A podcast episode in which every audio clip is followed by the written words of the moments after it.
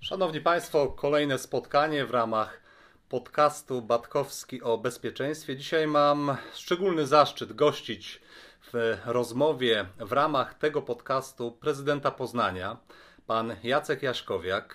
Serdecznie witam, panie prezydencie. Dzień dobry panu, dzień dobry państwu. Szanowny panie prezydencie, gratuluję nagrody Perły Samorządu, najlepszy prezydent dużego miasta w Polsce. Wiele innych nagród dla samego miasta.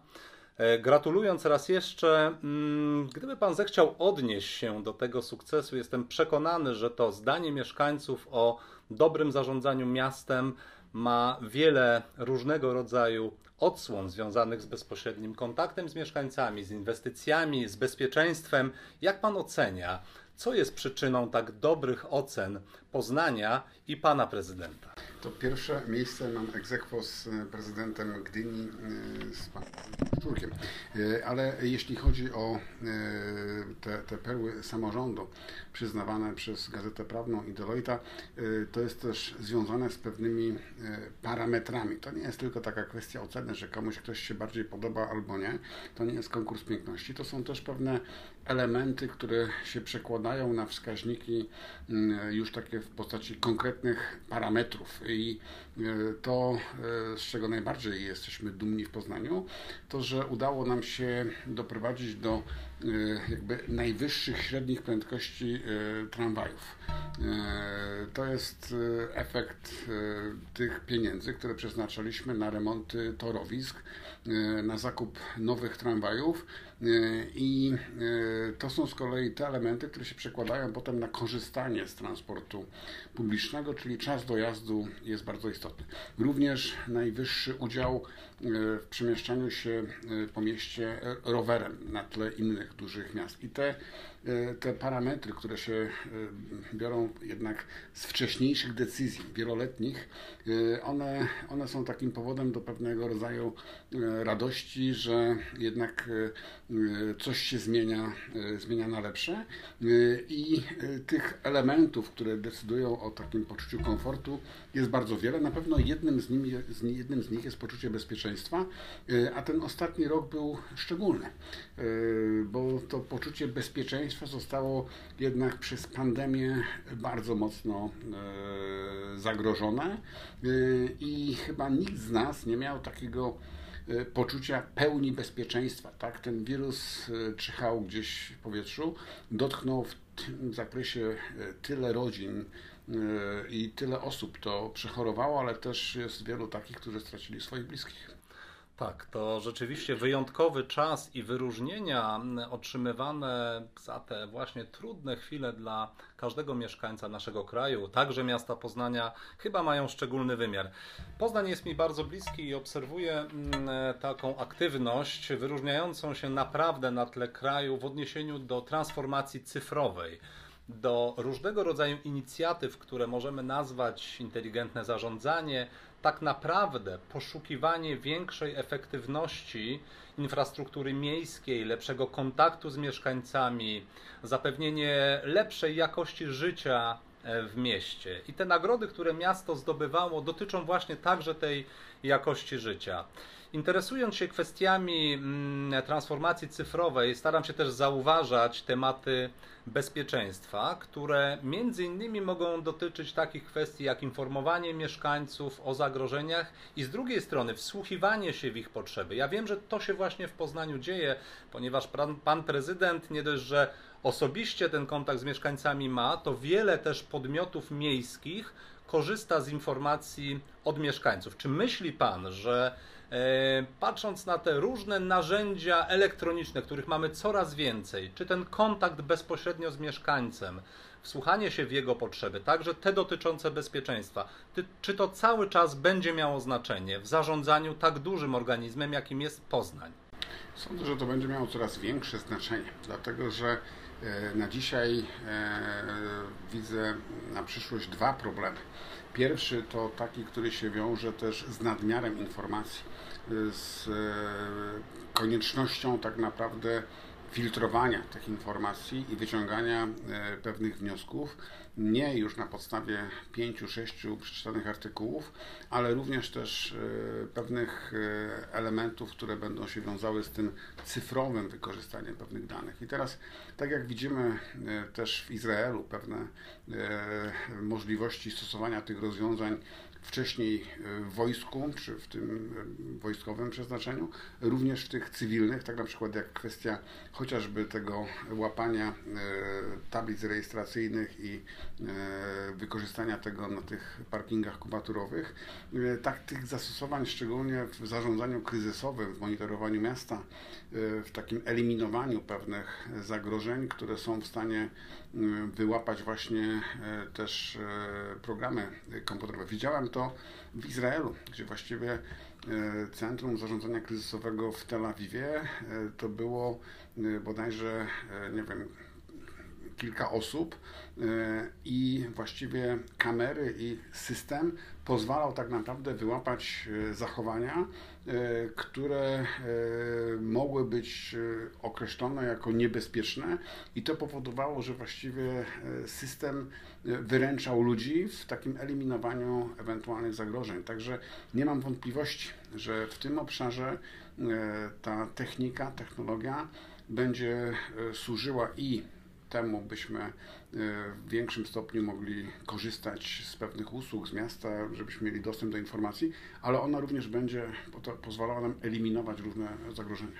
To bardzo ważne, o czym Pan e, wspomina, ta technologia, a z drugiej strony człowiek, który zawsze będzie najważniejszym elementem przedsięwzięć, które wiążą się z administracją publiczną, w tym samorządową.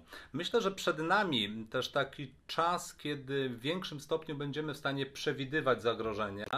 Dzisiaj pewnie część naszych przedsięwzięć, tych, które dotyczą nie tylko Poznania, ale w ogóle bezpieczeństwa w kraju, to jest raczej reagowanie. Chcielibyśmy pewnie zmienić tę sytuację i myśleć o proaktywnym działaniu, o predykcji, o zbieraniu danych po to, żeby przewidzieć, co za moment może się wydarzyć.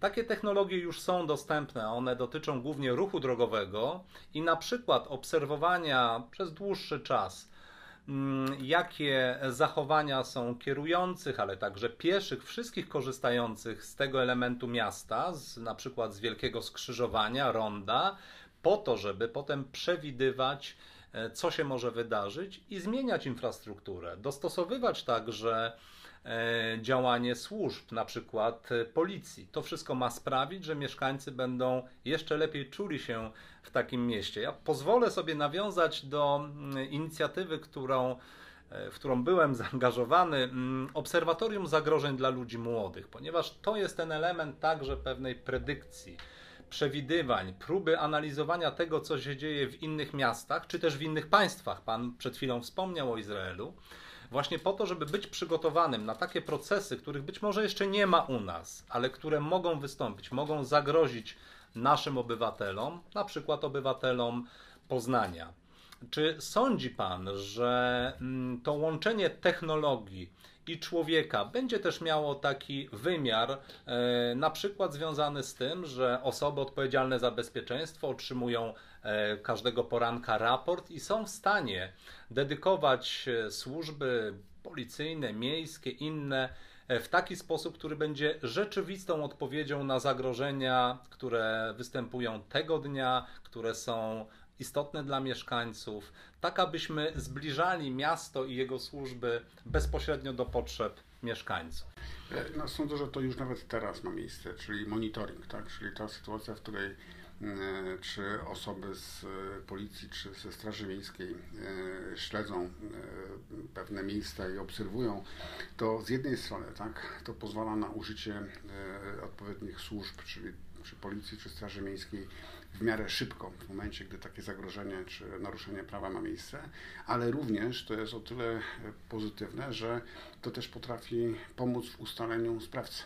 E, a nie ma nic lepszego, jeśli chodzi o zapobieganie przestępstwom, niż taka stuprocentowa wykrywalność e, popełnianych przestępstw. I to na pewno zwiększa poczucie i bezpieczeństwa, ale też e, tak naprawdę eliminuje te osoby, które takie, które prawo naruszają. Zapewne tak jest. Monitoring to przyszłość, nie tylko ten prosty, który daje nam obraz i są ludzie, którzy go oceniają, ale właśnie systemy, sztuczna inteligencja, która wychwytuje te zachowania, które mogą być rzeczywiście niebezpieczne. Pamiętając o danych policyjnych, obserwując też sytuację w kraju, chciałbym z takim no, pełnym autorytetem powiedzieć, że Poznań jest bezpiecznym, wielkim, bezpiecznym miastem. Pewnie jak w każdym dużym organizmie dzieją się rzeczy złe. Mm, I w ostatniej części, jeżeli pan prezydent pozwoli, naszej rozmowy, chciałbym odnieść się do strategii, ponieważ pan ma też doświadczenie związane z przedsiębiorczością. Miasto jest nieco innym organizmem, ale wszędzie jest potrzebna strategia. Czy myśli Pan, że mm, także w dokumentach strategicznych związanych z rozwojem miasta, z przewidywaniem tych kierunków, które mogą być istotne też dla, dla mieszkańców, czy tam powinno być to bezpieczeństwo szeroko opisane? Czy bezpieczeństwo jest istotnym elementem, budując strategię miejską? Jak pan postrzega tę kwestię? Ja to bezpieczeństwo postrzegam jako bezpieczeństwo mieszkańców, y, ale też no, widzimy chociażby po ostatnich wydarzeniach w Polsce, gdy y, osoby pełniące najwyższe y, funkcje w państwie, ministrowie, premier korzystają z prywatnych skrzynek mailowych. To jest po prostu no, jednak niedopuszczalne, tak? Czyli no, musimy jednak e, przestrzegać pewnych procedur, E, i dotyczy to tych osób, które pełnią funkcje e, publiczne. To jest jakby pierwsza rzecz, że tutaj to jest dla mnie oznaka słabości e, państwa, czyli to bezpieczeństwo, które się wiąże z tym, że osoby, które podejmują te najważniejsze decyzje w państwie, no one muszą dbać o to, żeby dane, które przekazują, maile, ich wymiana informacji, że to nie staje się e, tak naprawdę informacją publiczną, bo to jest zagrożenie naszego bezpieczeństwa. No, to jest dla mnie niedopuszczalne, by na przykład minister spraw zagranicznych uzgadniał coś z premierem e, w formie, e, która nie jest bezpieczna dla naszego państwa. E, I, I, to jest jakby pierwszy obszar, a drugi obszar no to jest ta kwestia tego e, bezpieczeństwa takiego wewnętrznego. Uważam, że w zakresie popełnionych przestępstw ta technika e, bardzo pomaga i po tych statystykach, które obserwuję przynajmniej w Poznaniu, widać, że ta liczba przestępstw spada. Natomiast też w przypadku jednak pewnych zmian, które następują, cywilizacyjnych, technologicznych, ale też i mentalnych. To, co jest bardzo istotne, to by korzystać jednak z tych kompetencji policji, bo czasami e, kluczowe znaczenie ma tak naprawdę deskalowanie jakichś elementów związanych, załóżmy, czy z manifestacjami, czy, czy tymi elementami, że takie niepotrzebne wręcz użycie siły może prowokować do, do jeszcze większej intensywności występowania pewnych manifestacji i tutaj też na tych kompetencjach należy się opierać i z tego korzystać. Mm, bardzo dziękuję panie prezydencie. Mm, ta ostatnia uwaga, ona się też wiąże mm, z takim e, przeze mnie postrzeganym e, kierunkiem rozwojowym dla e, dużych miast, który, które w większym stopniu będą, już za moment jestem przekonany, troszczyć się o mieszkańców, próbując oferować im usługi E, które są bezpośrednio przygotowane dla konkretnego obywatela. O czym ja mówię? Otóż wydaje mi się, że e, przyjdzie taki moment, gdzie mieszkańcy będą w większym stopniu zaopiekowani, w cudzysłowie powiem, od strony właśnie cyberzagrożeń, że będą narzędzia oferowane im, aby mogli lepiej o siebie zadbać. Dzisiaj część osób nie jest w stanie samodzielnie wybrać, sięgnąć po aplikacje czy po inne takie zachowania, które zapewnią im bezpieczeństwo. Już dzisiaj miasta korzystają, oferują mieszkańcom darmowe porady prawne. W tym mieszczą się przecież różnego, różnego rodzaju elementy wsparcia poprzez informację miejską, poprzez e, kierowanie także do mieszkańców w różnej formie ostrzeżeń o zagrożeniach to moim zdaniem jest przyszłość. Każdy, kto będzie chciał skontaktować się z miastem, z urzędem miasta, z jego instytucjami, będzie w stanie otrzymać profesjonalną pomoc, wsparcie, tak naprawdę wskazanie, jak powinien zrealizować daną czynność, czy jaki kierunek swojego działania wybrać, aby nie narazić się na zagrożenia. Serdecznie dziękuję raz jeszcze, gratuluję tych wielkich osiągnięć Pana osobistych i miasta Poznania życzę, aby było bezpiecznie w Poznaniu. Wszystkiego dobrego. E, jeszcze może na koniec jedna tylko uwaga, która mi się teraz też nasunęła, mianowicie te wszystkie systemy, które my oferujemy mieszkańcom, na przykład seniorom takie e, możliwości, by e, poprzez odpowiednie urządzenie, które ten senior ma na ręce, e, była możliwość wyłapywania pewnych zagrożeń związanych załóżmy e, czy z jakimiś stanami przedzawałowymi, czy udarowymi i tak dalej, gdzie ta szybkość reakcji decyduje o życiu i zdrowiu danej osoby. Natomiast tutaj z pewnością samorządy potrzebowałyby tak naprawdę e, również wsparcia ze strony państwa, jego organów, by pewne informacje, które się zbiera o mieszkańcach, tak, były bezpieczne e, dla naszej racji stanu.